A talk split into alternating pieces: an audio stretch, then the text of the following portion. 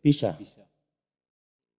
Karena memang santet itu tidak berpatokan ya, tidak mengenal ibarat kata hal-hal tersebut, tidak peduli dengan ini Percaya. rajin ibadah, percaya atau Oh, baik. tidaknya kalau memang si dukun sudah menargetkan dia dengan menjadi sasaran itu pasti kena. Bisa. Nah, Dan media yang digunakan itu banyak media, semua bisa jadi media. Selamat datang di Ability Channel, everything about your ability.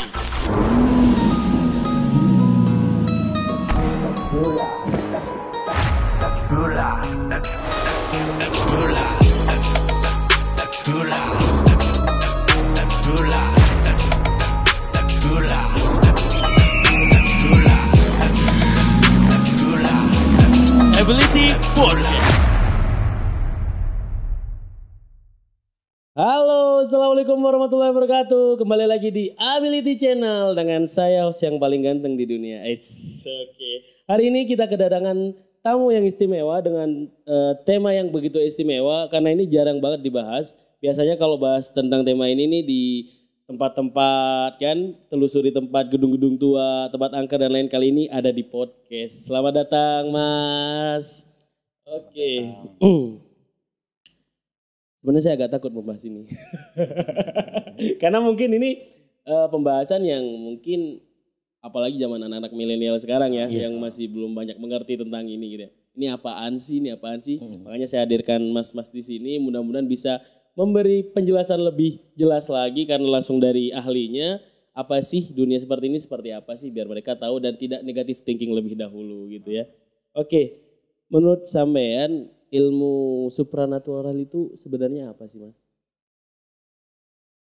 Kalau ilmu spiritual, supernatural, Spiritual ya? Spiritual, apa supranatural? spiritual. Spiritual. Kalau supranatural itu ilmu kebatinan. Oh. Ilmu yang berdasarkan kebatinan, tenaga dalam dan lain sebagainya.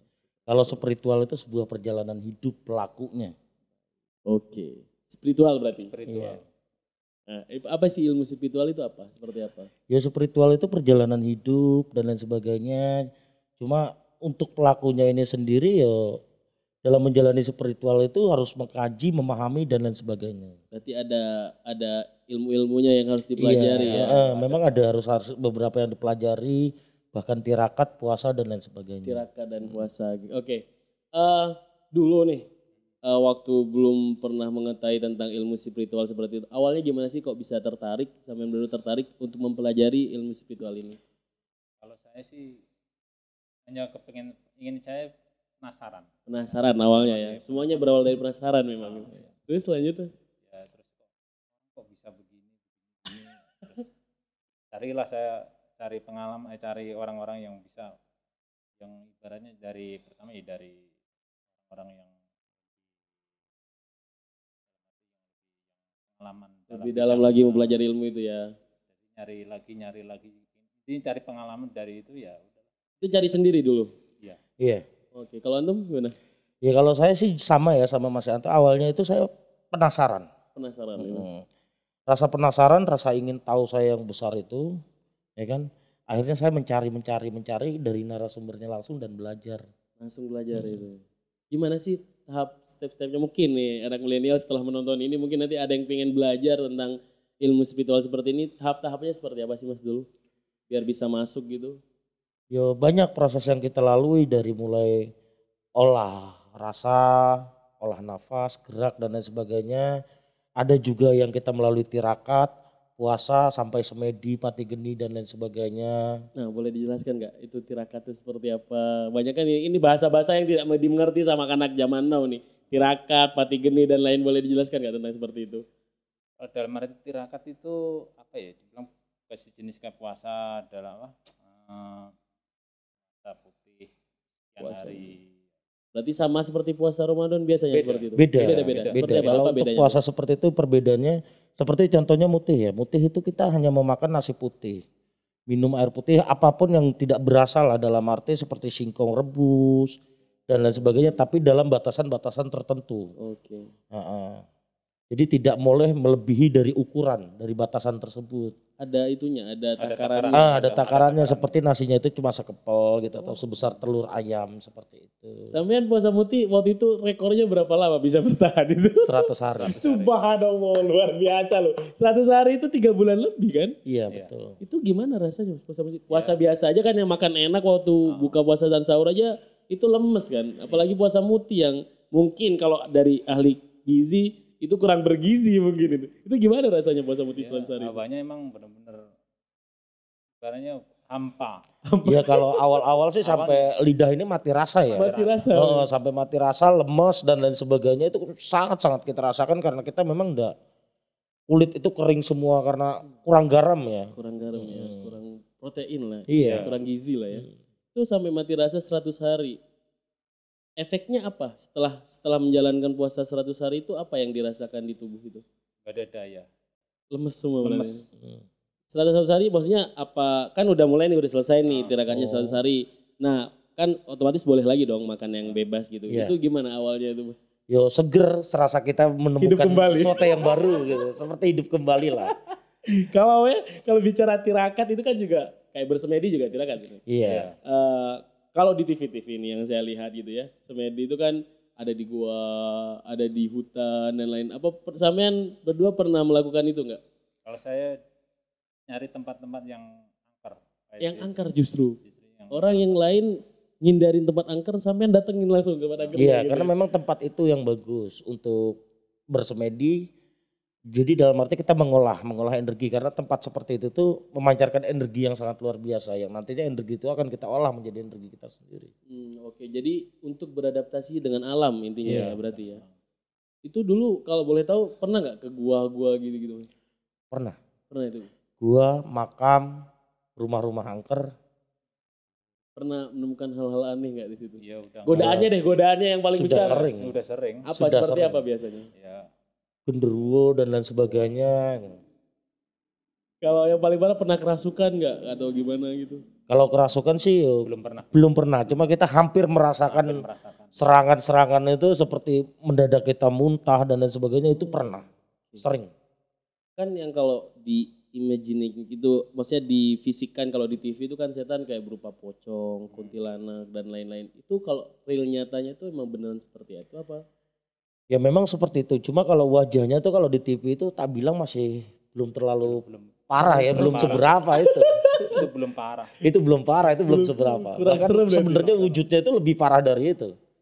Seperti apa? Bisa dideskripsikan sedikit aja gitu. Ya dari bentuk kain kafan saja ya. Kalau untuk pocong, kalau mungkin di TV-TV itu kain kafannya masih putih bersih dan lain sebagainya. ya. Tapi kalau wujud sebenarnya itu kain kafannya itu bala lah. Hancur. Baunya pun Baunya, Busuk ya baunya? Iya. Bau busuk. Itu, bahkan baunya itu udah cukup bikin kita bener-bener mual. itu masih tulang belulang atau masih ada daging-dagingnya? Ya berdarah-darah? mungkin ada daging, belatung, belatung dan sebagainya itu Really? hancur lah pokoknya udah udah bisa dibayangkan. Ya, intinya matanya udah matanya udah hilang semua. Tinggal Kadang keluar. ada yang gantung-gantung matanya yuk ada. Iya. Jadi Kalau- wujudnya itu yuk kalau kita gambarkan itu sangat-sangat mengerikan. Benar-benar mengerikan ya. Kalau maunya orang awam seperti saya nih ingin melihat gitu ya dengan perantara sampean berdua bisa nggak kira-kira? Bisa, cuma harus melalui prosesi Ada yang tahap-tahapnya Iya, ada ya? tahapan-tahapannya, nggak bisa langsung secara Instan. sekaligus. Hmm. Apa kira-kira tahapnya? Saya soalnya waktu itu penasaran lah. Waktu sampai sekarang sih penasaran wujud yang sebenarnya itu seperti apa gitu. Ada yang memakai media untuk pemanggilan nagal makhluk tersebut wujud. Ada yang cara dengan berlatih. Berlatih. Mm-mm. Diasah intinya ya. Iya, ya? Oke oke. Jadi bisa ya walaupun orang awam ingin belajar bisa ya. bisa. belajar? Semua pasti bisa. Bisa ya berarti ya. Eh kalau waktu tirakat waktu itu puasa muti kan pasti ada pantangan-pantangannya lah ya. Yang nggak harus kan ada yang isu-isunya. Maksudnya kalau seseorang punya ilmu ini pantangannya ini, ilmu ini pantangannya ini. Itu seperti apa? Kalau yang pantangan yang sampean berdua miliki itu seperti apa? Yang tidak boleh dilakukan lah intinya. Ya pantangan-pantangan sebenarnya pantangan pada umumnya ya berzina, cuma itu aja. Berzina ya. Iya. berarti. Kalau seandainya, seandainya ada orang memiliki ilmu spiritual seperti itu, pantangannya berzina, Hmm. lalu dia melakukan zina, kira-kira apa yang bakal terjadi di orang itu? biasanya gitu kena apa? Badannya sendiri biasanya. Entah tuh Itu kalau itu tergantung dari Tergantung alam dari tersebut yang alamnya menghukum ya. Kadang biasanya ada berbeda-beda. yang Beda-beda. seperti kecelakaan, beda-beda. Ada yang seperti kecelakaan terjadinya, ada yang sakit, tidak Hmm. kunjung sembuh. Tidak berasa ya ya? tidak tidak terasa. Jadi lebih lebih condong ke karma ya. Oke, Mm-mm. Karena lebih udah karena- melanggar peraturan. Iya, itu peraturan Sial lah intinya lah ya. Sialnya. Oke, oke. Nah, kalau mamanya sampean kan sekarang pasti kebantu banyak orang ya. Kamu biasanya yang datang itu ngapain sih, Mas? Yo rupa-rupa mas ada yang konsultasi masalah hidup lah ya, masalah hidup, Yang paling aneh deh. eh, penyakit. Yang paling aneh itu ya yang sampean sendiri tuh ketika dia konsultasi kayak, Hah, apa ini gitu tuh? Apa biasanya yang pernah yang pernah bertanya ke sampean gitu? Ya kalau biasanya sih orang biasanya ber- bertanya itu lebih banyak tentang jodoh ya. Jodoh. Jodoh, rezeki gitu. Oke. Karena itu sangat misteri, Mas. Iya. Pacarannya sama siapa, nikahnya sama siapa. Iya, memang seperti itu. Iya, jadi kayak gimana? Pernah nggak ada hal yang lucu yang pernah kejadian gitu maksudnya eh bertanya ke sampean masalahnya unik banget itu apa kira-kira? Kalau saya sih karena selalu menganggap serius setiap permasalahan pasien itu, jadi semua tak tanggapi secara serius. Iya. Jadi tidak ada Orang unsur- datang ke sana ingin berkonsultasi ya, ingin Iya. pecah maksudnya kalau saya dikira-kira maksudnya media apa sih yang sampean pakai? Contoh deh ke saya. Nah, eh, saya ingin tahu jodoh saya seperti apa gitu. Medianya yang digunakan apa biasanya? banyak media mas. Cuma kalau saya tuh lebih condong ya ibarat kata terawang biasanya. Terawang ya berarti. Iya. Eh, ilmu apa biasanya kalau di kejawen itu mas namanya? Hitung-hitungan itu loh. Istilahnya apa? Neptu itu itu Kejawen. untuk itu kejawen itu hitungan neptu itu untuk peruntungan, hitungan peruntungan neptu. bedanya kejawen. Kejawen itu kan bukan sebuah agama kan. Bukan. Bedanya kejawen dengan eh, yang dipelajari ilmu spiritual di agama itu apa sih mas perbedaan paling kontradiksinya paling jauhnya gitu? Unsurnya itu perbedaannya itu hanya kalau mungkin di agama melarang ya rupa sesajen dan lain sebagainya. Kalau Hmm. di itu kan kita masih menggunakan. Masih menggunakan Iya. Cuma tergantung dari niatannya kembali ke diri masing-masing ya mas. Jadi agar supaya dalam arti barang ini tidak menjadikan diri kita musyrik, gitu, Musyrik, menduakan betul. gitu. Eh, kalau perbedaan untuk mas perbedaan ilmu putih dan ilmu hitam kan ada tuh. Ini, wah ini pakai ilmu hitam nih, oh ini pakai ilmu putih nih. Itu apa sih perbedaannya? Maksudnya kan kita tidak bisa memastikan dong orang itu pakai ilmu hitam atau ilmu putih. ilmu itu semua nggak ada yang namanya hitam. Tidak ada Tergantung- berarti ya. Tergantung kita yang jalanin. Jadi tergantung dari si pengguna tersebut. Kalau pengguna tersebut menggunakan untuk kejahatan ya maka dia bisa disebut dikatakan itu ilmu hitam. Oh berarti dari niat Dari orang ya, berarti semua ya. tergantung dari si pengguna tersebut, dari oknum. Baik baik. Nah ini nih mas, banyak kan orang pasti semua orang pasti punya masalah ya. Datang ke sampean kan untuk membantu meringankan masalahnya mereka gitu. Nah banyak orang yang tertipu dengan kan banyak tuh yang banyak orang yang pura-pura pintar lah ngebantu orang, akhirnya orang itu ketipu dan lain kan banyak kasus seperti itu. Nah biasanya ciri-ciri orang eh, yang memiliki ilmu spiritual yang palsu itu seperti apa sih mas? Biar orang nggak banyak korban gitu loh. Jadi datang niatnya ingin meringankan masalah, malah ketipu uang, ketipu dan lain-lain, malah tambah masalah. Kira-kira seperti Justru apa? kalau para pengguna spiritual yang benar-benar real itu tidak ada ciri-ciri khusus. Tidak ada ciri-ciri. Tidak ada ciri-ciri khusus. Mereka juga seperti orang pada umumnya, seperti orang biasa bahkan tidak menonjolkan Tidak diri. menjualkan. Tidak menonjolkan ya. Iya, Nah, mereka kalau- lebih cenderung sembunyi. Kalau yang niru, eh yang nipu tuh biasanya gimana itu? Biasanya minta syarat-syarat apa sih biasanya? Pernah nggak sih ketemu orang yang seperti itu? Maaf kalau untuk itu saya tidak bisa jawab. Nggak bisa jawab ya berarti. Oke baik. Kan ada juga di zaman sekarang kan medsos itu udah berkembang pesat gitu ya. Saya juga sering lihat di medsos penerawangan by online, kayak penyembuhan by by online gitu. Itu ngaruh nggak sih? Bisa ngaruh nggak sih? Ada juga ya metode jarak jauh bisa disebut itu metode jarak jauh. Cuma untuk kebenarannya itu sulit untuk dibuktikan. Tapi memang ada pengobatan jarak jauh itu melalui foto dan lain sebagainya. Bahkan orang di lokasi di luar pulau pun bisa diobati melalui ilmu jarak jauh. Ilmu jarak jauh. Iya, ilmu pengobatan jarak jauh. Karena mungkin kalau langsung datang ke Badepokan dan lain mungkin masih bisa dimasuk akal gitu ya. Hmm. Tapi kalau maunya by online tuh, tapi masalahnya banyak orang yang percaya seperti itu gitu tuh. Ya karena memang ilmu tersebut juga mengikuti perkembangan zaman, Mas. Bisa mengikuti. Iya, jadi sekarang ini banyak prasarana yang bisa kita gunakan seperti handphone, video call dan lain Oh sebagainya. iya baik. baik. Melalui video call kita akan mengetahui wajah dari si pasien kita seperti apa, itu sudah seperti kita bertatap muka. Hanya yang kita perlukan itu hanya nama dan nama orang tuanya saja. Dari situ kita sudah cukup, kita transferkan energi kita melalui jarak jauh. Dari jarak jauh bisa berarti terjadi ya. Memang bisa terjadi. Kalau mungkin eh, sekarang jarang didengar masalah ini, tapi karena saya dulu dari kampung kecil dengar istilah santet. Iya. Santet. Sebenarnya santet itu kerjanya sistem kerjanya seperti apa sih? Kita Banyak. menggunakan kodam. Kodam. Karena tetangga saya dulu, mohon maaf, tetangga saya dulu meninggal, eh, itu perutnya kembung, setelah di ronsen X-ray itu ada paku, ada silet. Kalau saya tidak melihat, mungkin tidak percaya gitu ya. Ah. Itu beneran ada gitu. Nah, sistem kerja Benar. kok bisa sampai silet masuk ke perut, paku masuk perut itu gimana? Jadi prosesnya itu melalui kodam. Biasanya seorang dukun santet itu mereka akan memelihara kodam.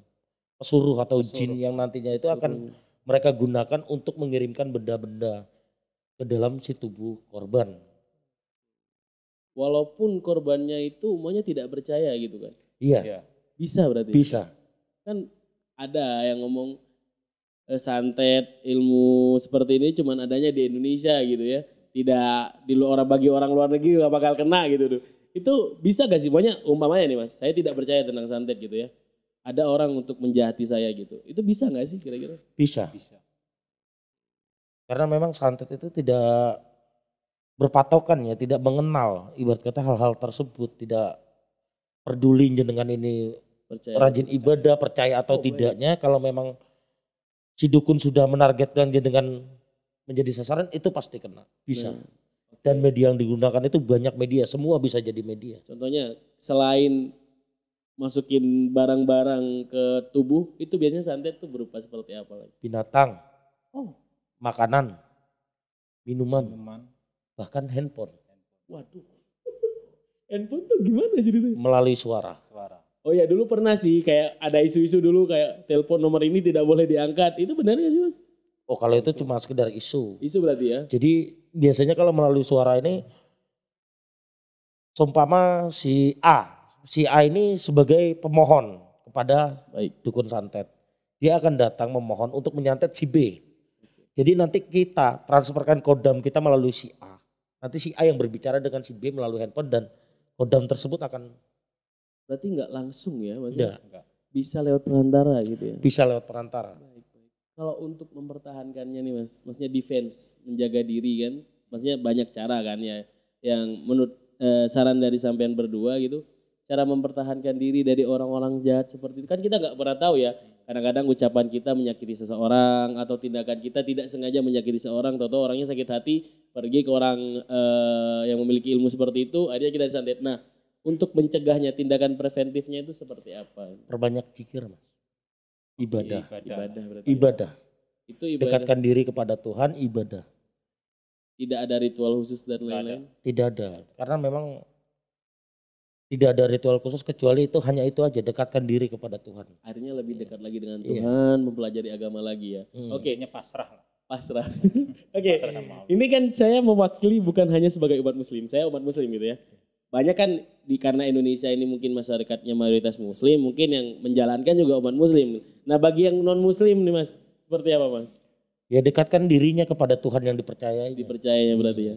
Tapi ada gak sih maksudnya eh, klien gitu yang non muslim datang ke sampean gitu? Ada, Ada. Pernah ya berarti ya? pernah. Itu tentang apa biasanya? Biasanya mereka itu dendam karena bisnis dan dan sebagainya Baik. seperti itu. Baik, baik. baik. Nah, eh apa namanya itu? Waktu itu sampean kan dulu dulu deh. Maksudnya kegiatan atau aktivitas sampean berdua dulu itu apa? Dulu waktu kita Serabutan. se- serabutan. Jadi dalam arti ya kita buka praktek. Buka praktek. Mm-mm. Oke. Kalau sekarang Sekarang saya pengobatan, lebih menjurus ke pengobatan. pengobatan berarti ya. Pengobatan. Eh, banyak orang kan maksudnya masih membandingkan dengan kedokteran dan lain-lain gitu ya. Apa sih perbedaan cara sampean berdua mengobati pasien dengan orang yang contoh deh orang keselio ada yang milih urut ke tukang pijat, ada yang ke dokter gitu, walaupun tidak urut di dokter. Nah, ini kan ilmu yang berbeda nih. Apa sih perbedaannya atau penyakit apa sih biasanya yang datang ke maksudnya eh, klien yang datang ke sampean itu keluhannya seperti apa penyakit yang apa yang bisa kali sampean berdua ta- tangani gitu. Itu ya kita penyakit dalam ya, terutama kayak paru-paru, yang tangani sekarang ini, paru-paru, jantung, terus jeruan. Jadi kalau masalah keselo-keselo kita belum Belum ada ya. Jadi kita itu menjalani pengobatan baik medis maupun non medis. Kalau untuk medisnya kita biasanya gunakan terapi seperti senam, terus ungkep, Ungkep, akupuntur. Ungkup itu seperti apa? ungkep jadi kita Ungkep pakai itu ramuan. sauna, seperti sauna. Sauna. Hanya alatnya berbeda, kita juga pakai herbal, ramuan dan lain sebagainya. Kalau yang non medis kira-kira Kalau yang non medis tergantung dari keluhan si Keluhan pasien. contoh deh, kan ada yang pelet ngasih. Iya. Nah, itu tuh. Itu cara ngilanginnya ada. Maksudnya ada saudara saya sampai sekarang justru katanya kena pelet pengasih gitu. Sampai sekarang pun tidak menikah gitu kan. Itu gimana caranya Mas untuk mengobatinya? kita netralisir. Jadi kalau metodenya mungkin kita sulit untuk menjelaskan, kita tidak bisa menjelaskan. Tapi kalau seperti contoh dari cerita jenengan ini, jenengan keluarganya itu tidak menikah Hmm. sampai saat ini. Itu biasanya digantung jodoh. Gantung jodoh gimana? Iya, seperti biasanya dia menggunakan media boneka atau apa lain Oh. sebagainya gitu supaya si orang ini tidak ingin dan Ya. tidak ada hasrat untuk menikah. Hilang nafsu. Iya, seperti itu. Bener gak sih Mas? Eh, orang yang pelihara monyet di depan rumahnya itu untuk menolak sihir. Eh, itu isu-isu yang mungkin bagi saya anak kampung itu udah biasa mendengar itu gitu. Ada orang yang pelihara monyet kan itu hewan yang tidak biasa dipelihara oleh eh, sebagian banyak masyarakat gitu ya. Itu benar gak sih? Monyet itu bisa menangkis ilmu hitam? Kalau itu sih tergantung dari kepercayaan diri masing-masing ya. Jadi kalau memang sesuatu hal yang diyakinkan dengan keyakinan yang sangat kuat itu akan terjadi. Apa pun itu. Apa pun itu. Berarti ja, tidak ada mendaskan oh ada tulang babi yang disimpan di tanah gitu. Itu berarti itu tergantung dari keyakinan kepercayaan masing-masing. Iya. berarti ya. Oke, oke. Bagi orang yang sudah menjalankan ilmu seperti itu, pernah belajar maunya ilmu seperti itu, apakah bisa dihilangkan? Kalau ilmu tersebut melalui tahap pengolahan, pembelajaran seperti puasa dan lain sebagainya itu tidak akan hilang. akan hilang. Yang Bisa- mungkin bisa. hanya tumpul iya, Betul, ya. tidak Sampai akan hilang pun. sampai kapan pun Kapan. tidak akan hilang. Terkecuali kalau memang ilmu tersebut melalui media barang dan sebagainya itu baru bisa hilang. Contoh susuk deh. Orang Susuk. kan ada susuk kan, Ya itu susuk. berarti kan media barang. Media barang. Oh, media barang. Media barang itu bisa dihilangkan Kalau dengan metode-metode khusus. Oke. Jika orang pakai susuk sampai meninggal, kan keluarga tidak ada yang tahu. Bisa nggak sih dikeluarin ke orang yang sudah meninggal, Mas? Bisa, Bisa. Bisa berarti ya. bisa. Berarti tidak, maksudnya ada tata caranya untuk mengeluarkan susuk-susuk tersebut. Ya, memang ada tata cara khusus untuk mengeluarkan susuk tersebut. Bu- Seperti kejadian contoh beberapa waktu lalu saya mendapatkan pasien si A. Oke. Beliau tuh sulit meninggal karena memang Hmm. bermasalah dengan hal tersebut. Oke. Setelah susuk itu dikeluarkan, ya beliau akhirnya meninggal seperti Pas itu. sakaratul maut berarti. Iya, Itu media langsung sampean datang atau Datang ya datang. Kalau biasanya kalau sudah seperti itu kita harus Kita datang. datang. datang ya berarti ya? Ini boleh di share nggak Pak di Pekan Sampean di mana di mana? Siapa tahu nanti ada penonton atau tidak boleh? Tidak boleh. Oh baik, oke terima kasih. Terus eh, pernah nggak sih mas, maksudnya kan orang seperti sampean berdua ini kan khusus ya, tidak semua orang tahu gitu ya. Eh, pernah nggak sih dapat sindiran dari masyarakat banyak dan lain-lain itu? Ya, Ada negatif omongan negatif apa sih yang yang pernah sampean terima gitu? Ya cobaan memang dari pertama dari dari kalangan lingkungan lah ya, lingkungan. dari lingkungan. Oke. kita dibilang dikatakan sesat dan sebagainya sampai digunjing dan lain sebagainya itu sudah sering terjadi. sering. Bagaimana sampean berdua kita- menanggapi Ya saya sih semua itu? menyikapi dengan senyum, dengan biasa saja. Biasa aja berarti ya. Iya. Karena memang jika orang tidak mengerti atau tidak pernah merasakan, mungkin orangnya bakal menggunjing gitu ya. Iya. Em, tapi nggak pernah ganggu sampai ke keluarga, ke keluarga Oh, sampean enggak, gitu. enggak, Nggak ada berarti ya. enggak. Oke. Eh ini mas, maksudnya yang belum gue sampein nih. Kalau orang mau belajar tadi belum gue jawab nih. Kalau orang mau belajar tertarik belajar seperti ini, itu step-step yang sebaiknya yang harus dilakukan itu seperti apa? Agar mereka mungkin tidak terjumus terlalu jauh gitu tuh.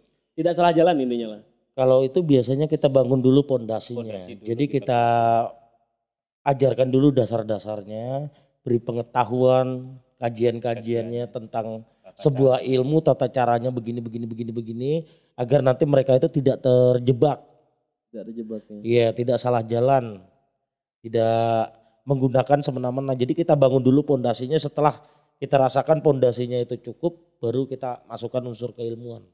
Keilmuannya. Berarti pondasinya dulu ya untuk Iya. eh, biar nggak terlalu jauh masuk ke dalam nih ya berarti. Oke. Intinya belajar agama dulu berarti mas ya. Ya kita ada unsur agama juga kita masukkan cuma bukan cuma hanya agama aja ya. Jadi kita perkenalkan dulu sebuah keilmuan itu begini begini begini dan ini tuh dasar-dasarnya dulu lah. Jadi bukan cuma hanya agama aja. Ada unsur Tentang dari dasar-dasarnya sebuah keilmuan spiritual itu apa, bagaimana harus menjalaninya, terus kebatinan itu apa, mata batin itu apa. Jadi harus kita terangkan secara detail agar mereka itu memahami. Baik baik. Kan kalau dibilang tadi ilmu spiritual ada ilmu pengalaman hidup ya mas ya. Iya. Pengalaman hidup selama sampean belajar ilmu ini boleh cerikan masing-masing masnya dulu deh. Yang paling parah banget deh. Yang menurut sampean udah uh gak kuat saya kelihatannya. Pernah nggak merasa seperti itu? Saya jalan ini yang paling parah itu awal-awalnya saya disuruh ke tempat-tempat yang ke tempat. Pertama emang dari situ emang saya ragu. Takut juga iya Takut gitu. karena wah ini jangan-jangan ntar ketemu ini ini, ini. nih. Oke, baik. Terus lama-lama saya pelajaran pelan-pelan oh tahu Aman, aman. Sudah tahu ya. Kalau sampean mas? Kalau saya dulu itu pelajaran yang paling mengerikan menurut saya ya. Iya. Saat saya mengobati orang lain itu yang terkena penyakit santet ya. Jadi waktu itu sempat saya dan keluarga saya itu terkena imbas. Jadi memang di saat kita mengobati seperti itu kita juga bertaruh nyawa, Bertaruh nyawa. bertaruh nyawa. Baik. Jadi waktu itu saya sempat terkena imbasnya hampir sekeluarga. Sampai sekeluarga. Iya, Oke, apa efeknya itu mas? banyak. Jadi tiba-tiba saya sekeluarga ini sakit secara mendadak. Oke. Dan sakitnya itu setelah diobati penyakit ini sembuh berpindah lagi. Oke. Di luar nalar yang pasti. Yang nggak mungkin masuk akal ya, Iya. karena pernah pernah juga eh, ada orang ke dokter gitu ya. Ternyata sama dokter nggak ada apa-apa ini nggak ada penyakit, Ya, tapi memang- ternyata dia merasakan sakitnya. Kalau gitu. memang penyakit tersebut sulit didiagnosa oleh medis. emang susah ya. Iya, karena memang tidak terdeteksi. Oke oke. Nah balik ke masalah santet tadi, kita kan di Indonesia ini negara hukum gitu ya. Ada nggak sih perundang-undangannya tentang dunia seperti itu? Kalau sekarang sih menurut yang saya dengar ya, ada katanya ditulis undang-undang. Tapi untuk pembuktiannya saya bilang saya rasa itu sangat-sangat mustahil untuk membuktikan. Siapa pelakunya, siapa pengirimnya itu sangat-sangat susah. sangat susah, susah. untuk di tracking ya, Iya, ya. susah untuk dikronologikan dibuktikan. ya berarti ya. Hmm, Karena memang ini di luar nalar. Oke, iya. Orang kalau ngebunuh orang lewat santet itu tidak ada hukumannya berarti. Iya, memang Dan santet pun memang tidak berasa sebenarnya. Iya, memang tidak berasa. Oke, oke. Oke, masalah santet mungkin saya sudah dapat eh, kayak penggambarannya gitu. Kalau sekarang ganti ke masalah pesugihan nih mas. Pesugihan itu sebenarnya sistemnya seperti apa sih mas? Banyak sistemnya. Kan ada dengar saya, oh tuh, oke ada gunung ini kita datang ke sini nanti sebagai tumbal keluarganya Iya. atau Cuma setiap pesugihan itu semua pasti pakai tumbal. Tidak ada pesugihan yang tidak pasti memakai pakai tumbal. tumbal gitu ya. Pasti memakai tumbal. Entah itu diri sendiri, keluarga kita, Kalau anak kita, diri sendiri atau kan cucu kita. Pasti keluarga. pasti, Pasti. keluarga. Gak boleh orang lain ini. Enggak. Nah, Coba cari orang lain kan mungkin lebih Walaupun ada yang menawarkan orang lain, tapi tetap nanti entah kapan itu keluarga kita yang efeknya kena. kena ya. Efeknya. Iya. Karena kasihan mas, maksudnya kan tumbal ya misalnya eh, maaf, mohon maaf, mohon maaf, eh, anaknya jadi idiot dan lain-lain Iya. gitu ya. Ada orang yang memang benar-benar bawaan anak idiot, kaya dibilangnya pesugihan gitu kan ada gitu tuh. Iya. Eh, ciri-ciri orang yang biasanya kalau pesugihan itu seperti apa sih? Kalau ciri-ciri dari para penganut pesugihan itu sulit digambarkan ya, tergantung dari pesugihan tersebut. Berbeda-beda berarti. Berbeda-beda, ciri-cirinya tergantung dari pesugihan yang dianut. Cuma yang jelas itu biasanya para penganut pesugihan itu mereka jarang berinteraksi. Jarang Pada berinteraksi ya. dengan khalayak umum dan mereka lebih banyak menutup diri karena Iya. takut akan ketahuan dengan pesugihannya tersebut. Jarang menunjukkan bahwa saya orang kaya gitu Iya. mungkin ya. Oke. Nah, saya dulu pernah ke gunung biasanya nanjak sama teman-teman gitu, ada orang itu dia datang, tau-tau monyet datang nih. Itu di mohon maaf, disensor lah kalau parah. itu mungkin masuk pesugihan gak sih? Ada ya gak sih? Karena itu di luar nalar, di luar logika. Mana mungkin ada manusia yang eh, hewan monyet gitu. Itu di hutan itu itu. Ada. Ada itu. Pesugihan Ada. seperti itu ada. Ada. Apa pesugihan apa biasanya kayak gitu? Ada di wilayah di Jawa Barat. Gunung gitu ya. Iya, saya kita saya mau- tidak bisa menyebutkan bisa pesugihan menyebutkan apa berarti ya. itu. Oke. Yang jelas pesugihan seperti itu Ada. memang ada. Bahkan ada yang kawin, Kawin? dengan makhluk itu ada. Oke. Kawinan. Dan itu masih sampai sekarang masih ada itu. Sampai Masih sekarang ada, masih masih ada. Efeknya mungkin kalau ikut pesugihan tumbal aja kali ya. Iya. Ya, yang jelas tumbal. Entah diri kita sendiri, keluarga, atau anak cucu kita. Ada Ya, persyaratan lain gak sih tumbal. biasanya? Kalau pesugihan Ada tumbal masyarakat orang lain. Tetap pada intinya yang nanti akhirnya itu akan memakan keluarga sendiri. keluarga sendiri. Iya. berarti ya. Kalau efek-efek lain selain tumbal apa biasanya yang diminta mas kalau di pesugihan itu? Yang sampean tahu lah. Efek saja ya nggak ada cuma dari keluarga aja. Keluarga Biasanya iya, Tumbal biasanya sudah pasti berarti. tumbal. Oke oke oke. Dan ah ini juga saya mau nanya tentang yang lagi ngetren ke anak muda, mental illness. Mungkin eh, orang yang psikiater gitu ya. Apa depresi depresi lah bahasa Iya sih. awamnya gitu ya. Eh bener nggak sih depresi itu kan ada yang orang ke psikoter, eh psikoter, psikolog atau psikiater, ada orang yang ngerukiah. Iya. Nah gitu tuh. Apa sih perbedaannya berdua itu gitu tuh? Ya perbedaannya kalau mungkin ke psikolog itu mereka lebih tentang pertanyaan dan kejiwaannya. Kalau Hmm. kita biasanya rukyah itu lebih masuk ke doa, Doa ya. doa-doa, doa-doa yang disertai dengan energi dan lain sebagainya. Yang nantinya itu akan masuk ke alam bawah sadar si pasien, yang nantinya itu akan mengatur pola mindset tersebut. Mindset dari kliennya tersebut. Iya. Kalau omanya beda agama juga bisa mas? Kan ini Tergantung ini- dari keyakinan, Mas. Oh keyakinan Ya. berarti. Um- Umpama ya, Mas, ada orang seorang Kristiani atau non Muslim datang ke sampean, kan berarti kan percaya ke sampean dong kalau datang. Iya, Nah itu dirukyah dengan cara sampean bisa. kemungkinan bisa sembuh nggak? Bisa, karena dia sudah yakin. Sugestinya Eh, berarti ya. sugestinya itu dia yakin bahwasanya rukyah ini mampu menyembuhkan dirinya. dengan cara seperti ini saya Iya. akan sembuh gitu. Karena ya. memang pengobatan metode seperti ini pun butuh keyakinan dari si pasien baik keluarga si pasien tersebut bahwa pengobatan metode ini mampu menyembuhkan penyakit dia. Penyakit. Pernah nggak sih mas? Maksudnya sampean berdua eh, ada klien datang, otomatis kan percaya dong sama keluarga juga. Terus gagal gitu, bukan gagal sih maksudnya tidak memenuhi ekspektasi. Pernah nggak sih sampai ada yang marah-marah gitu? Sama ini belum pernah. Belum Sampai ada saat kali ini ya? belum ada. Belum ada. belum ada komplain Belum yang komplain, parah belum banget ya. Belum ada ya. komplain. Oke, alhamdulillah kalau gitu ya. Oke. Terakhir nih, saya ingin bertanya tentang pribadi saya nih. Tentang penggandaan uang. Itu bener ada nggak sih mas? Kalau saya bilang itu tidak ada ya mas. Gak ada berarti ya. Berarti orang yang maksudnya mengaku-ngaku dia punya ilmu bisa menggandakan uang itu berarti bohong dong. Saya tidak berani jawab kalau untuk hal itu. Kalau menurut sampean nggak ada itu maksudnya gimana? Atau ada definisi definisi lain? Ya saya ada definisi lain karena setahu saya hal-hal seperti itu tuh sulit dibuktikan oleh realitanya. Logikanya ya. Hmm, logika. maksudnya. Jadi memang kalau memang dia mampu menggandakan uang, kenapa nggak dipergunakan untuk diri sendiri saja seperti itu? Oke, Iya betul sekali. Kenapa harus mengkayakan orang lain? Kenapa Iya. nggak kayak diri sendiri gitu Iya. ya? Sedangkan uang sekarang bisa berbuat apa saja. Semua membutuhkan. Oke oke oke oke.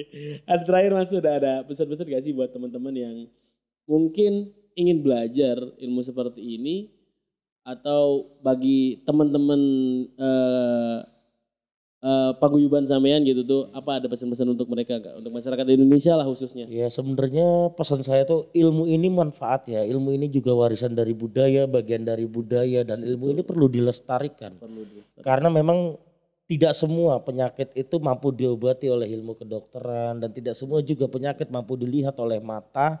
Ada penyakit, ada bahaya yang kasat mata dan tidak terlihat. Terus ilmu ini juga berguna untuk menjaga diri, Ya. melindungi diri sendiri, baik diri sendiri, keluarga dan orang lain. Oke, intinya selalu ambil positifnya ya Mas ya. Kalau dari sampean ada yang mau disampaikan? Kalau saya sih intinya kalau mau belajar ya kuatkan fondasi dulu. Kuatkan dalam fondasi arti- dulu ya. Entah tuh non muslim apa muslim ya kuatkan fondasi dulu. Baru diajarin tata caranya ini loh namanya yang Lebih dalam lebih lagi. dalam gitu. lagi. Jadi enggak Jangan mentang-mentang belajar, mentang-mentang wah saya sikat semua deh gitu deh berarti ya. Oke, terima kasih Mas. Ini pengalaman yang menarik yang nggak banyak apalagi anak milenial sekarang nggak banyak tahu tentang dunia seperti ini. Mudah-mudahan mereka yang sampean bilang tadi bahwa ini adalah bukan cuma sekedar ilmu tapi juga budaya yang harus dilestarikan ya. Iya. Karena semua tidak semua penyakit yang bisa dilihat oleh mata. Hal gaib itu ada di dunia ini berarti ya Mas. ya? Ada. Ada. Ada Di berarti. dunia goib ini ada, hal goib itu ada. Dan berdampingan dengan kita. Selalu berdampingan dengan Selalu kita ya. berdampingan. Jadi jangan dianggap remeh lah. Iya. Jangan terlalu takut juga berarti ya Mas ya. Iya. Oke, terima kasih. Oke, teman-teman tadi adalah cerita dari mas-masnya ini tentang dunia seperti yang mungkin kalian tidak banyak tahu dan setelah menonton video ini bisa mengambil ilmu hikmahnya, bisa ambil baiknya dan buang yang mungkin bagi kalian tidak menyukainya, boleh dislike lah. Nanti jangan lupa like, share, komen, subscribe, bunyikan bunyi tombol loncengnya because this is Ability Channel, everything about your ability. Terima kasih. Wassalamualaikum warahmatullahi wabarakatuh.